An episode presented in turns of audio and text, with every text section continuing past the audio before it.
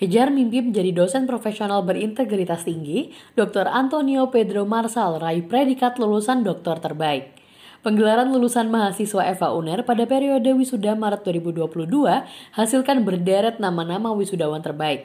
Salah satunya dari program studi doktor ilmu hukum Dr. Antonio Pedro Marsal. Mahasiswa doktoral ini terbukti sanggup mengejar predikat prestis meskipun di tengah kesibukannya sebagai dosen. Beliau mengaku salah satu motivasinya menempuh studi doktor sendiri adalah untuk menjadi dosen profesional yang memiliki integritas tinggi dan juga turut mengharumkan nama baik alma mater.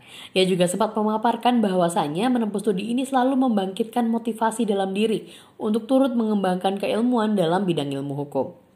Dalam usahanya mengejar gelar doktor, Antonio telah sukses menyelesaikan disertasinya yang berjudul Hak Atas Bahasa dalam negara yang mempunyai ragam bahasa di Timur Leste. Ia mengangkat mengenai dinamika kebahasaan di negara tetangga yang belakangan menjadi topik hangat dalam berbagai diskusi. Tujuan dari penulisan disertasi itu sendiri adalah untuk menggali dan menemukan argumentasi baru tentang bahasa sebagai hak konstitusional warga negara dan juga mengenai implikasi perbedaan bahasa dalam penggunaan oleh negara dan masyarakat terhadap hak asasi manusia.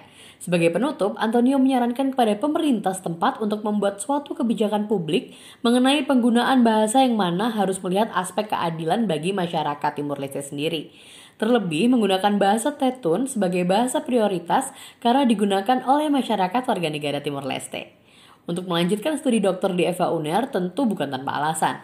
Menurut Antonio, Eva Uner adalah tempat yang ideal dan pilihan yang terbaik untuk menimba ilmu terutama dalam bidang hukum.